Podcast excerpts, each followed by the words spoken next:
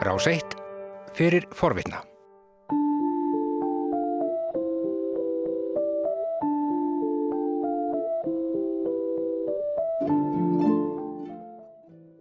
En hvernig verður okkar tími á safninu? Nú vantar listsaum, teiknaðan og unnin af íslenskum nútímastúlkum úr þeirra lífi og umhverfi. Við eigum ágæta listmálara, því skildu við ekki geta átt jafn góðar hannirðakonur í nútíma skilningi og annað listskapandi handiðinaðar fólk.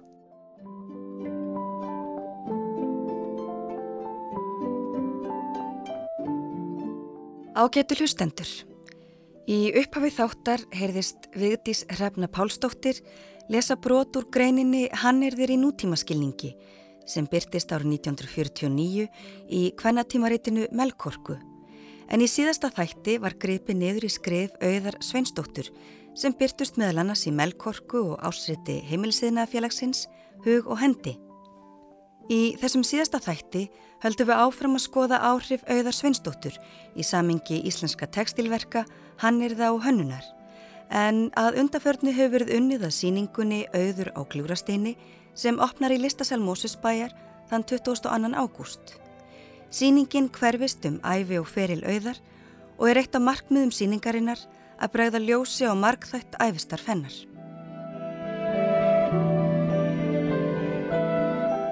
Í síðasta þætti beindist aðtiklinn að skrifum auðar, útsömsverkum eins og Marjuteppinu og Landa París, á samt því sem sagtur frá skottúfunni sem auður hlaut velun fyrir í hekl og prónasemkjöfni Álafoss ár 1970. Fleiri verk er auður þekkt fyrir og hún var gerðnan spurðaði hvort íslenska lópapeisan væri runnin undan revjum hennar. Margir kannast eflust við hafa heyrt nafn auðar Sveinsdóttur nefnt í sömu andra og íslensku lópapeisuna. En það hafa sögur lengi gengið um að hún hafi hannað íslensku lópapeisuna og því verið haldið fram í viðtölum sem fjölmiðlar áttu við auði í gegnum tíðina. Þessi afstæða til hlutverks auðar í þróun íslensku lópapeisunar kemur ekki og óvart. Þegar og Raki var í síðasta þætti þá miðlaði auður nýjum hugmyndum í hannirðum bæði í skrifum sínum og verkum á samt því að taka virkan þátt með öðrum listamönnum, hannirða og handverkskonum í því að skapa nýviðmið og nýjar hefðir. Auður hannaði og þróaði fjölda prjónamunstra og gerði tilrunir með liti og gard. Vitað er að hugmyndað peysumunstri sem hún prjónaði á fyrirluta 15 áratúarins fann hún í bók um list yngaveldisins sem Haldur hafði keft fyrir hana í bandaríkjónum. Nýlega lögðu þrjú söpn upp með að hefja rannsókn á uppbrunna, hönnun og þróun íslensku lópapeisunar. Söpnun þrjú eru Gljúrasteinn hús Skáldsins, hönnunasapn Íslands og heimilisiðnaðasapnið á Blöndósi. En Ástís Ósk Jóelsdóttir mun í haust hefja vinnu við að varpa ljósa og hönnunasögu lópapeisunar og þátt auðar Sveinsdóttur og annara kvenna sem tóku þátt í þróun og hönnun peisunar í þeirri sögu. Það er ekki ljóst hvert rannsókn ástísar á eftir að leiða en því má velta fyrir sér hvers vegna ástæða er ymitt nú til þess að rannsaka íslensku lópapeisuna og þátt auðar Sveinsdóttur í þróun og hönnun hennar. Tilgangurum með þessu verkefni er að, að rannsaka uppbruna og hönnun og þróun íslensku lópapeisunar og tengsl hennar við sagt, íslenska arfuleið. Lópapeisan er talið verið eitt besti og mest sínilegi arfu þjóðurinnar þótt hún sé unga aldri. Og hún eh, sem sagt og má segja er sölum einsta afurðin okkar líka. En hún sameinar sem sagt útsjónasemi og megin ráefnu okkar til fatagerðar, það er öllina og er líka mikilvægur hlekkur og hluti af hönnunarsögu okkar og er því ekki að undra að lópapeisumunstrin hafa sem sagt verið afurðuð í hinnar ólíklegustu vörur meðal annars til að gera sölumænleri og því komi tími til að festa það í menningasögu okkar hvaðan hinn þjóðlegi arfur lópapeisan á uppruna sinn. Mm. Þannig að það er svona kannski byrjunin í þessu öllu saman. En við getum líka að skoða daldi þennan uppruna að, út frá ímsum þáttum eins og það að, að til Íslands barst eh, prjónið á 16. öld og það að allir gáttu lært að prjóna meða við vefnaðin sem var mun erfiðari og síðan náttúrulega er einokunar vestlun Dana hér á árunum 1602-1787 þar sem við prjónuðum mikið og, og, og þetta var allt selt ellendis. Þannig að það, en síðan aftur í kjölfar innbyltingarinnar í Evrópu og hérna þá var sagt, minni eftirspurn eftir þessum prjónavörum okkar út af sagt, velvæðingu í yðnaði og þá gerðist við ráfuru útflutningsþjóð og seldum óunna ull, sagt skinnið með gærun á eða ullin á úr landi en það var mikil vöndun á ull til framlegslu í versmiðum elendis. En til að annað þeirri eftirspurn var sögfínu fjölga til muna hér á landið sem síðan verði fórsenda þess að hægt verði að hefja framlegslu á ullarafurinn hér á landi. Þannig að það líkur svona þessi grunnur. En við erum að tala þá um tóvinuversmiðunar sem er þess að þáttur í frumvinslunni, kempingu og spuna sem síðan þróast yfir í dúka og klæðaversmiður. Það er fullvinnslu á klæðnaði í fyrstu á opnumefnum en síðan sem sagt velprjónuðu. Og hér getur við nefnt fyrirtæki eins og Álafoss í Mósesbæ, Íðunu í Reykjavík og Gefjun og Akureyri. Uh, og svo tækni og svo framför sem fylgdi þessum versmiðum uh, má eflaust, er sem sagt í raun og veru grundvallar undirstæði fyrir þróun lópapeisunar líka Já, Já. en þetta er ekki fyrir en sko, hvað á fymta áratögnum sem að Já, sem að hún í raun og veru mótast og, og hérna og síðan má segja að hún svona sé full þróu þarna í á snemma á já, sjönda áratögnum Já. En það er margt sem annað fleira sem kemur til. Við verum líka sem sagt að skoða þessa samfélagslegu þætti sem áttu sér stað á fyrstu áratugum 20. aldar og alveg framundi sem sagt 50. Uh, það sem áður hafi verið hluti að svona lífsviðu væri manneskina, það að veiða sér til matar og allt þetta, var nú orðið í, í þessum vestrana heimi, orðið á sporti og frítíma fyrir efnuðum og vinsalt var að stunda skýði og veiðar og fara í fjallgöngur og fleira í þeim dúr. Eitthvað sem var framandi frumstætt og þjóðlegt var líka í spilunum. Síðan er það vetrarolimpíuleikarnir sem hófust 1924 sem höfðu mikil áhrif á útivista þróunna og það komst í tísku að stunda sem sagt útivist og síðan erum við að tala um lestarnar og fullkomnari skip og tilkomi bílsins og síðar flugsins sem gerir það verkum að að hægt var að komast mjög hraðar og betur á milli staða. Það var sport að skoða framandi staði, til dæmis Ísland. Þannig eftirspurnin eftir handprjónavörum úr ull var fyrir hendi. Ullarvöru voru orðnar eftirsótt og söluvörur og akkur ekki frá Íslandi þar sem vetrar hörkur höfðu mótað klæðina þjóðarinnar eins og, eins og þróunin hafi verið í Nóri. Síðan er það náttúrulega lífveldishátti 1944 sem markaði sjálfstæðisbarut okkar en betur og og síðan er að þróun í mentun og listina því að til dæmis var handíðaskólinn svo kallaður sem er undanfari myndlist og handíðaskólans og síðan listaháskólans að hann var stopnað 1979 og ítti undir svona list yðna það að vinna með íslenska arfleith á nýjan hátt. Það hafði náttúrulega líka heimilis yðnaðurinn ítt undir að sjálfsögðu. En það þurfti líka að huga gæðum ullarinnar.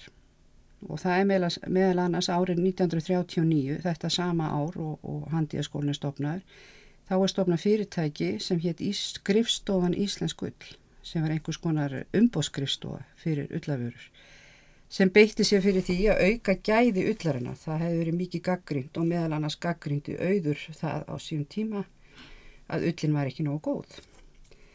En það er sem, sagt, sem stopnuð þetta fyrirtæki, það er sem sagt, voru með fræðslu og námskeiðahald út um all land til þess að geta flutt út þessa gæðavöru sem var orðið mjög eftirsótt á þessum tíma, sem sagt íslenska prjónavörur, elendis. En það þýtti ekki annað en að, að, sagt, að hafa góð gæði til að selja. Við ætlum sem sagt í þessari rannsókn að skoða meðal annars þessa þætti og og e- ekki síður þegar íslenska lópapinsan verður vörumerki ellendis í byrjun sjötta áratugurins. Þeir eru mikla útflutningsbilgja hóstýralandi og handunum og fjöldaframleitum fatnaði sem hafi afgerandi áhrif á Íslands samfélag á sjönda, áttunda og nýjunda áratugnum. Það bókstala fór allt á kvolf hér á landi í textiliðinæ. Ævintýri líkast, eitthvað sem hinir sem eru aðeins eldri muna vel eftir. Hm. Já, við getum svo fært okkur kannski næri tíman og hugsa líka um þróun tískunar í Evrópu sem næri í raun og veru hápunkti þannig fyrir hluta 20. aldar með New Look línu Díors árið 1947. Hm. Það sem var fáaður kvenleiki í fyrirrúmi táknum gæði og fullkomleika sem smitaði í raun og alla fatagerð á þessum tíma. En á sama tíma var mikil útbreysla á hannirðablöðum sem voru uppfull af prjónauppskriftum og hér á landi á norsku og sænsku og dönsku og þá var líka fluttið mikið að erlendugarni og þannig fekk íslenska ullagarni dálitla samkjöfni. En, en þegar skortur var síðan á, á haftatímabilunum sem voru hér á erlendu prjónakarni þá þurft að laga til dæmis munstrin að þessum grófa lopa. En flíkin sem sagt var mýgri ef prjóna varu plötulópana. Já. Og, en það var mikið kapplagt á að þróa hendut garn fyrir sem sagt lópapeisu prjónið sem síðan náðist með hespulópanum á sjönda áratöfnum. Og allir það sem sagt mikill í byltingu í lópapeisu prjóni bara almennt. Og þess maður geta árið 1978 voru 1500 konur sem prjónuðu í höndum fyrir 15 til 20 útflytjendur. Þannig að það var ekkert... Það er allt semst handprjónaður vörur. Allt handprjónaður vörur. Og áhersla kannski áhemitt nákvæmlega það að þetta séu handunar peysur. Handunar peysur. Þó svo er vélprjónið það við líka verið þarna á sama tíma að þá er handverki líka. Þetta vex saman og, og samhliða segi. Þannig að hérna... En ef við snúum okkur til dæmis að sjálfur í lópapeisunni og hérna þá eru nokkru þætti sem koma það til.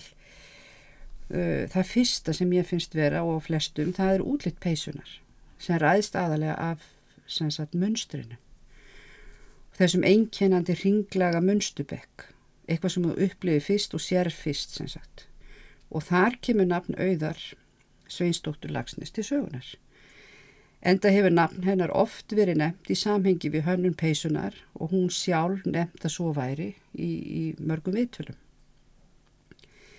En eh, hún segir sem sagt líka sjálf að í kringu 1947 hafi fengið bókagjöf frá Haldóri um yngana í Peru þar sem meðal annars mátti sjá munstur sem hún útferði á smekklegan hátt í ringlega munsturbekk sem sagt á beru og axlastíki peisunar og þetta, þessi munstubekkur líkist mjög því sem við erum að nota í dag. Og það að hún hafi prjóna tölverkt magna á slíkum peysum, þar á meðal á fjölskylduna, einni fyrir vini og kunningja, hérlendis og erlendis, gerir hana ákveðinu frumkvöðra. Já. Það er að henni hafi tekist að útbúa vöru, getur við sagt, með útsjónasemi og góðu handbræði, því hún var náttúrulega handafinu kennari og lagði áherslu á gott handverk og það að fólk hefur hrifist af verkum hennar hefur eflist haft áhrif að það að útfasla hennar á peysunni hafi fengið að þróast áfram og eftir henni verið hefnt. Enda var auður líka þekkt kona á þessum tíma og svona heims kona. Bara eins og gengur að gerist á okkar tíma er ef hermt er eftir vöru þá er það gert að takna það að hugmyndin og hönnunin sé vel hefnuð hmm. Það er svona gæðastippill já, já. já, síðan náttúrulega eins og sömur vita þá er, voru á þessum tíma til uh, sagt, sænskar handbrjónaði peysus og kallaða bóhúströjur sem voru með svona ringlega mönstubekk sem satt á svipun tíma er byrju sjötta áratugurins en það voru mun, mun fingirra mönstur Sagt, og ég myndi ekki segja að það væri beinleist að sama toga. Síðan er talað um grænlaspeysunar eða eskimópeysunar og, og þetta er eitthvað sem við eigum eftir að skoða betur. En svo eru fleiri þætti sem koma til varðan til lópapeysuna. Það er að við mögum ekki gleima hennum fallegu sögðalitónum. Við getum sagt það í dag þó þeir hafa nú ekki verið mjög vinsalir árum áður. En þeir gera herslu munin í peysumunstrunu Og það hefur þótt nöysel til að gera flíkina sérstaklega á þeim tíma þegar Íslandinga voru farnir að huga að útflutningsverðmætum vörunar. Það að lópapeisan væri ekta íslensk að þá þyrtun að vera í söðuleitunum. Það var það sem seldist á síðan tíma. Og sjálfsögur úr íslenskum lópa. Já, að sjálfsögur. og það er nefnilega hráefni sem ég vildi nefna næst og það er léttleiki lópans sem sagt plötulópin þannig til að byrja með og síður hespulópin og enn þann dag í dag er verið að prjóna á plötulópanum vegna þess að hann þykir vera léttur og, og, og gefa peysuna ákveði gildi. Þú finnum alltaf fyrir því að vera í peysunni. Þetta loftkenda og tempraða ástand sem fylgir eigileikum hennar er einstakt. Svo maður heldur ekki gleyma því að að prjóna lópapeysu er fyrsta flokks handverks kunnáta. Í fyrstu úrsens að þessum óspunna lópa, plötulópa, sem var ekki auðvelt verk. E, Slétt prjón á ringprjóna hendaði mjög vel það að hægt var að prjóna peysunni einni lótu, ból og ermar sem saminast í ringlaga aslastíki, sem sagt aðferðin og ráefni kallaði á ákveðin gróleika í munstugerinu sem einmitt einkennir áferð og útlitt peysunar. Þetta hessi heilta sín, sniðið á henni og, og viðkoman. Hmm. Mm, svo meðum við heldur ekki gleyma einu að meðan veri var að þróa á staðla lópapeysuna í stærðir og útliti til útflutnings því að þetta var aldrei svona hipsum haps hvernig var staðið að þessu, hvernig konuna það þróið svona sitt snið og annað. En svo fór sem sagt markaðurna og þessi útlut þannig að Íslandingar hefðu ákveðna vöru í huga í sambandi við lópapeysun að það þurft að staðla stærðir og útlitt en um, þetta er það sem gerist á sjötta og sjönda áratögnum en var lefnilega líka að vélprjóna peysu sem voru með ákveðnum jáfnvel úr gerfiefnum og þess aftar sem voru með ákveðnum munstubekkjum í þjóðlegum stíl og erlendum og sem hefur eflust líka móta munstugerðina hjá íslenskum handprjónukonum. En þær sóttu líka hugmyndir í gamlar íslenska munstubækur, uh, útsumsbækur til dæmis. En þær, sem sagt hver og einn þessara prjóna kvenna, mótuðu ofta sitt eigi munstur og einni voru haldnar munstur samkjefnir. En það var líka til að koma í vekk fyrir alla peysunar eruði eins þó svo að sömu kröfu væri þarna gerðar um stærðir og, og heildar útlitt og frágang.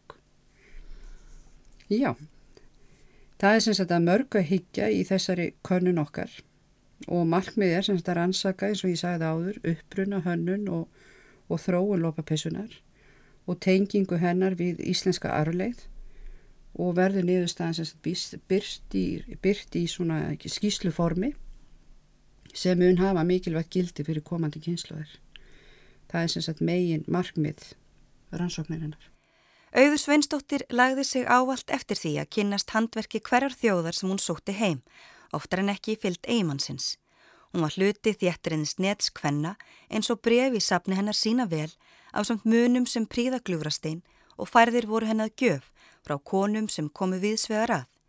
Einn þeirra kvenna sem auður átti í miklu og góðu sambandi við Allt frá því þær hittust fyrst á stýrimannastíg 6 í Reykjavík var húsgagnasmiðurinn og innanhúsarkitektin Birta Fróðadóttir, fætt Birti Sörensen.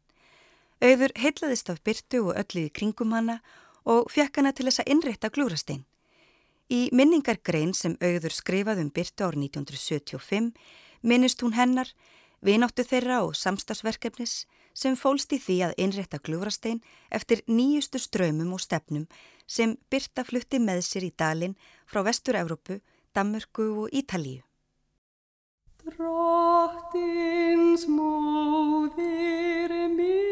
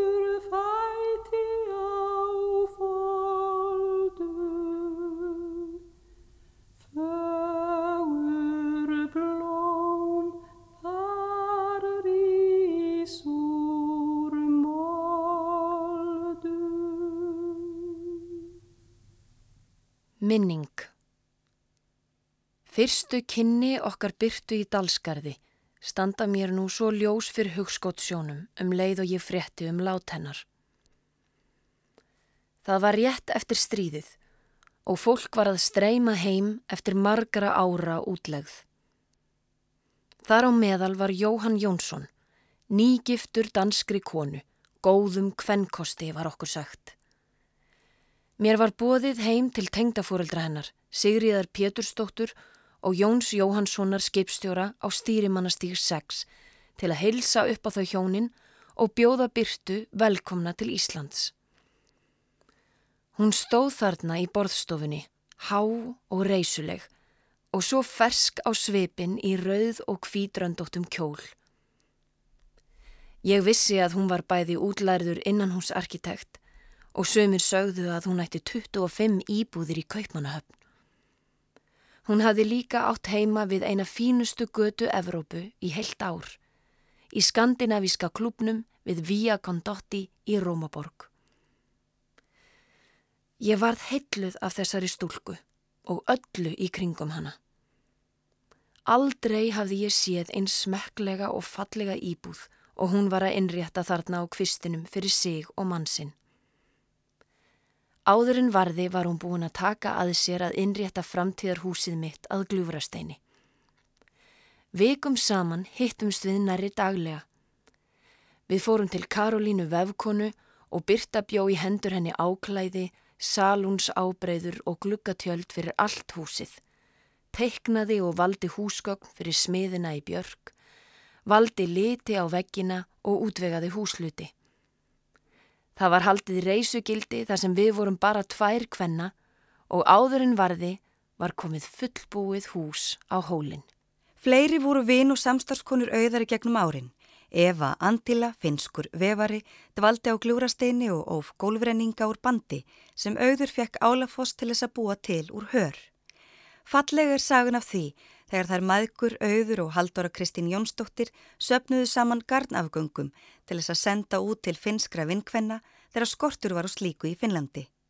Óselún Jensen, þekktur hönnuður og höfundur prjónamunstra og auður skiptust á uppskriftum og upplýsingum um garn, handavinnu og fleira. Mörg eru einni brefin frá Ljúdmílu Kasnuerevits í Rústlandi en til hennar sendi auður einni matvöru. Guðni Haldurstóttir minnist þess þegar auður móður hennar raðaði kaffi, tei og ýmsum niðursónum vörum í kassa til Ljúdmílu. Í staðin sendi Ljúdmíla auði Ímis handuninn verk sem flest tilhera nú sapni Glúrastins. Hérlendis vann auður með Vigdísi Pálsdóttur og fleiri annáluðum hannirðakonum í heimilisiðna félaginu en þær Vigdís áttu sér meðal annars þann draum að koma á fót listiðnaðarstofu. Í því samingi nefnir auður einnig Ástu Eriksdóttur, eiginkonu Svavars Guðnasonar málara, sem skrifar til auðar þegar auður innir hann eftir því hvort hún hafi áhuga á samstarfi við þær vigdísi. Það væri svo sem gaman að koma með glannastæls kjóla og setja upp tískuvinnustofu eins og þú segir, eða framúrstefnu kjóla og byggja svafar að mála á þá. Margir hefðu eflust vilja sjá hver útkoman hefði orðið ef af listiðnaðarstofu þessara frjóu kvenna hefði orðið. Önnur skapandi vinkona auðar var Nína Tryggvadóttir en um samband þeirra var fjallað í fyrsta þætti þessarar þáttaræðar. Þegar litið er yfir æfi og feril auðar Svinsdóttur blasir við vilji og mikill hæfileiki til þess að skapa og taka þátt í sköpun annara. Ástís Tórótsen, sýstudóttir auðar, orða það svo að áhugi sýstrana, auðar, ástísar og fríðu Svinstætra á handverki og hönnun hafi sitrast til barna þeirra í æsku, rétt eins og hann hafi gert í gegnum kynnslóðurnar því aftur í ættir auðar er handversfólk og enn eru feimar hendur og frjóir hugar að í frændgarði þeirra sistra. This sweater, my darlings, for you While vigil you're keeping through rain and storm This sweater will keep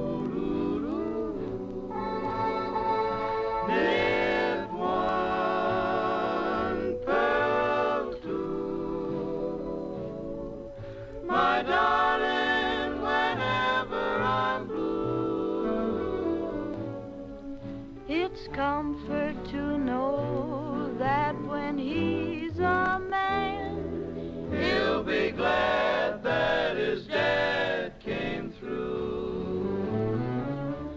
Ned one,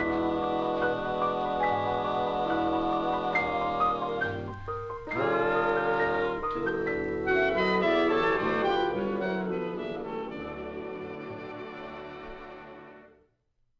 Gljúrasteinn hús skáldsins en eins og nafnsapsins gefur til kynna, skapaði í kringum Nobelskaldið Haldur Lagsnes. En í sapning þess er að finna verk sem varpa ljósi og æfistarf auðar á samt fleirum sem áttu viðtölu í húsinu og tengdust þeim hjónum auði og haldóri. Frá því á setni luta síðustu aldar hefur aðtiklinn í síöknum mæli beinst að framsetningu kvenna og hins kvenlega á söpnum. Söpn hafa verið skoðuð í ljósi feminískra fræða út frá kyni, kynferði og sögu kvenna. Konur og heið kvenlega hefur jafnan verið undirskipað í framsetningu sapna og sapningt sinni og fjölmörg dæmi verið dregin fram um slíkt inn á ólíkum söpnum. Í textabrótinu sem hljómaði í upphafið þáttar spurði auður hver þáttur kvenna yrði á sapninu og átti þá við hvað erði til vittnis um veruleika nýrar kynnslóðar kvenna þegar liti væri til hannirða. Hvert framleg þessara nýju kynnslóða erði til þróunar og endurníunar í textilverkum. Í fyrsta sinn frá stopnum Gljúrastins hús Skaldsins beinist aðtiklin að þætti auðar á sapninu og verður hennar æfi og verkum gerð skil í síningunni Auður á Gljúrasteini sem opnar förstu daginn 22. ágúst í listasal Mósusbæjar. Þórun Elisabeth Sveinsdóttir hefur unnið að gerð síningarinnar síðan í áslokk 2013. Já, það prýtt hana allt sem að eiginlega getur prýtt eina manniski fyrir og svo var hún grandver og heiðaleg og, og, og góðhjörtuð og, og reynda ég held að hafi verið ríkt í henni að gera ekki upp á milli. Og já, það er alltaf gaman ég les og ger eitthvað á hverjum degi og er með hana með mér. Og eftir því sem ég kynist henni betur þá finnst mér hann ákveðlega vel gerð manniska og þessi síning er eiginlega mm, hugsuð þannig að þetta er náttúrulega eh, mikið eftir hana eða svona svolítið og svo er þetta mikið um hana. Og, svo er þetta úr geimslunni og, og hvað var geimt og kannski til hvers og átt að nota setna og mm, þannig að þetta er meira um sko tilfinningar og það er ekki endilega allt eftir hana. Það er líka uppdrættir úr frá móðfólkinennar og að því að hún gerði Eh, þar sem að hún vann með þess að smá á þjóðminnarsafninu hún gerði það, hún tók upp munstur og flutti það kannski af spýtu yfir í, í krossum eða aðra útsömstegundir. Sýningin auður á Glúrasteini á sér langan aðdraðanda. Á tíu ára starfsferðli Sapsins, Glúrasteins hús Skáldsins, hefur verið sapnað saman ímsu efni um auði Sveinsdóttur. Ímsir starfsmennsapsins hafa tekið þátt í þessari vinnu og sínt henni áhuga. Árið 2012 kom út bókin Gljúrasteinn hússkáldsins en í þeirri bók er að finna kabla Brynhildar heiðar og ómastóttur um auði sem ber heitið Húsfreyjan. Í þeim kabla er hluta þess efni sem þá hafi verið skráð og safna saman um auði gerð skil. Brynhildur sá í verkum auðar hliðstæðu við verk hvenna á átjándu og nítjándöldinni tímabili í lista og bómyndasögunni sem takmarkaði skapandi konur við stramma og þráð en í útsumsverkum þeirra byrtast áhugaverðar frásagnir, andóf og rótækni sem beindist meðal annars gegn þeim þröngu skorðum sem konur voru settar allt fram á 20. öldina. Að við erum loksins farin að geta litið á íslensku sögu og, og, og íslenska sögu hvenna og Sagt, eh, íslenska sögu útsöms og setja þetta í samhengi við íslenska listasögu. En þetta eru þetta stór hlutur af íslensku listasögu og uh, við lítum til dæmis á uh, íslenska myndlist og íslenska list að þá verður íslensk myndlist ekki til faktis ég fyrir henni lók 19. aldran og byrjun 20. aldarinnar. Fyrir þann tíma þá er uh, myndarfur íslenskur aðalega bundin í hannirðir í vegteppi, í teppi, í púða og í, í sagt, verkkvenna og þetta er akkurat það sem Auður Sveinsdóttir hafði mikinn áhuga á og þegar við gengum í gegnum gljúrasteina þá sjáum við upp á, á vegnum ímisverk eftir ímsar konur þar sem hún er að fara í uh, íslenska menningararfin og hún, uh, hún og konundar í hennar lífi, móður hennar og sýstir og vinkonur er að fara og endur sauma og endur sauma og reyna að endur skapa og endur tólka íslensk minnstur og íslenska, íslensk verk og sína þetta og tólka og, og sína í nýju ljósi í þessu nútíma menningarheimili. Það fyrsta sem gestur sjá þegar þið ganga inn í, í stofuna á Gljúrasteini er reysastortu vekkteppi eftir Haldaru Jónsdóttur, uh, móður auðar, sem hún uh, saumar út eftir fyrirmynd uh, sem varvettir á þjóðmínasafrinu. Það er líka að finna Maríuklæði fræga sem auður sjálf saumaði út eftir íslensku alltarisklæði frá 16. öld en það sem er líka þetta í stofuna þá er þetta afskamlega merkilegt að hún sapnar í rauninni sagt, lífsborum kvennana í kringu sig eru varðvettar í, sófunum og stólunum í stofunni. Svo að það er, eru nokkri púðar sem hún uh, saumar úr, uh, úr repli sem hún fær gefins frá þýskri konu sem uh, líklegast flóttamaður sem bjóða á laugaveginum á strísárunum að hún gefur þessi kona Edith, Edith Dátistel gefur henni revil og auður saumar púða úr þessu. Og eitt frægasti púðu auðar er þarna líka og það er hennar Landa París sem hún saumar út eftir að fara í heimsókn til Parísar og sé þá verk Picassos. Og hún ákveður að reyna að tólka verk uh, Picassos í hérna í, uh, í útsömi. En við hjá henni auði. Er það að það er alltaf þessi hugmynd á bakvið sem sagt hérna hvað, uh, hvað er list, þetta hennar útsömur er rampolítískur og hún er Hún hef, var rítstjóri í hugur og hönd á sínum tíma, skrifaði margar greinar uh, um sem sagt uh, hannirðir uh, fyrir hug og hönd og, og í þessum greinum að þá er hún að reyna að setja út sögum hvenna og listsköpun hvenna í þá sem sagt rétt pólitíst umhverfi. Þar að segja að þetta sé sem sagt nöðsvilegt að, sé, að, að, verk og listsköpun hvenna sé sem sagt algjörlega nöðsvilegt til þess að skapa Ísland framtíðarinnar og þá bæði sagt, inn á við að byggja upp sagt, íslenska, íslenska, uh, íslenska list, framt, uh, list en líka þá til þess að beita ímynd Íslendinga út á við.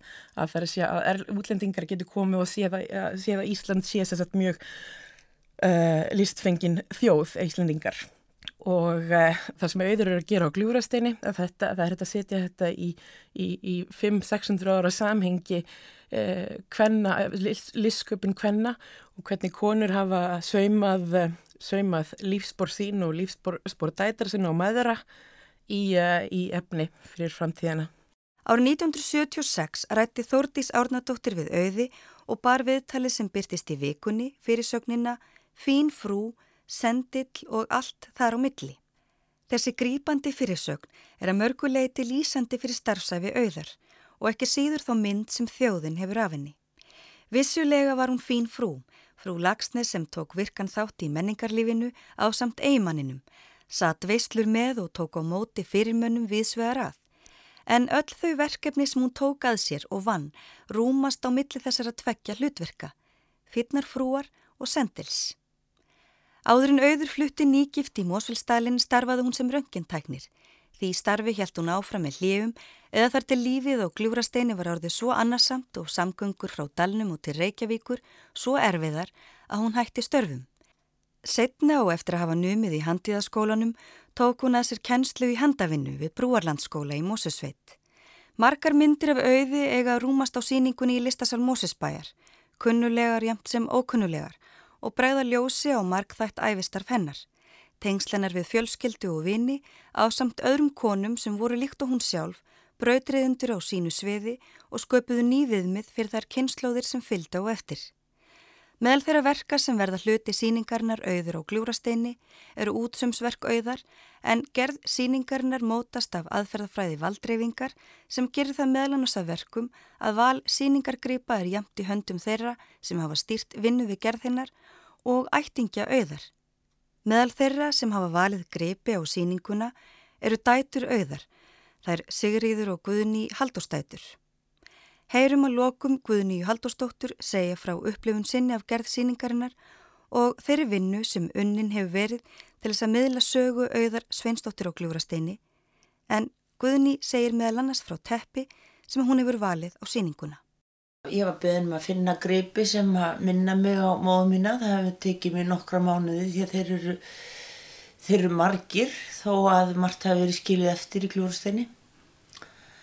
En á endanum þá, þá hérna valdi ég þrjá greipi sem að minna mig alltaf á hana. Og meðal annars er teppi eftir Helgu Egilson um, sem að hún hannaði og prjónaði og sem þau bæði kvöttu þennan heim undir og eh, já, og svo tvent annað. Ef ég saknaði þeirra mikið þá tekið teppi bara að faðma það því að það er svo mikið, mikið prjónað og mikið þygt og mikið í því. En það verður engum tekst að prjóna eftir þessu teppi. Já, jú, það er verið að prjóna þetta teppi veit ég vestur á Patrísfyrði vinkona mín sem er búin að einfalda e, e, sem sagt uppskriftina og gera hana idiot proof og, og, og hún verður með, svo uppskrift verður með á síningunni. Þannig að ég veit að margir hafa byrjað en e, hún var svo mikil, hann er það konun Helga Eilsson og hún held að þyrrt ekki að útlista svona mikið. En við nútíma konunar verðum að hafa þetta alveg Uh, frá eiginlega frá, frá hérna einni likku til annar til að sjá hvað á bæk er Þú hefur verið að vinna svolítið með uppskriftir mömmuðinnar Já, ég hef verið að já, ég hef prjónað sumt af því sem hún hefur gert og, og líka látið sauma fyrir mig púða sem að voru saumaður á, á eskifyrði púða sem að um, hún gerði úr sagt, fiskiróði og hef gefið þá og hérna, já, ég reynir svona að halda í hefðirnar. Mm. Hvernig ser þetta fyrir þér að ganga hérna inn í salin í Mósusbænum? Mér, það, er bara full tilökunar og, og þetta er svo hlýlega að þessu staðið og Þórun Svensdóttir sér um þetta búningagonna og hannur og og hún þekkti mömmu, þær höfðu talað vel saman um ímislegt um og uh, þetta er allt gert af svo mikið til hlýju og, og, og þetta er svo indæl hugmynd.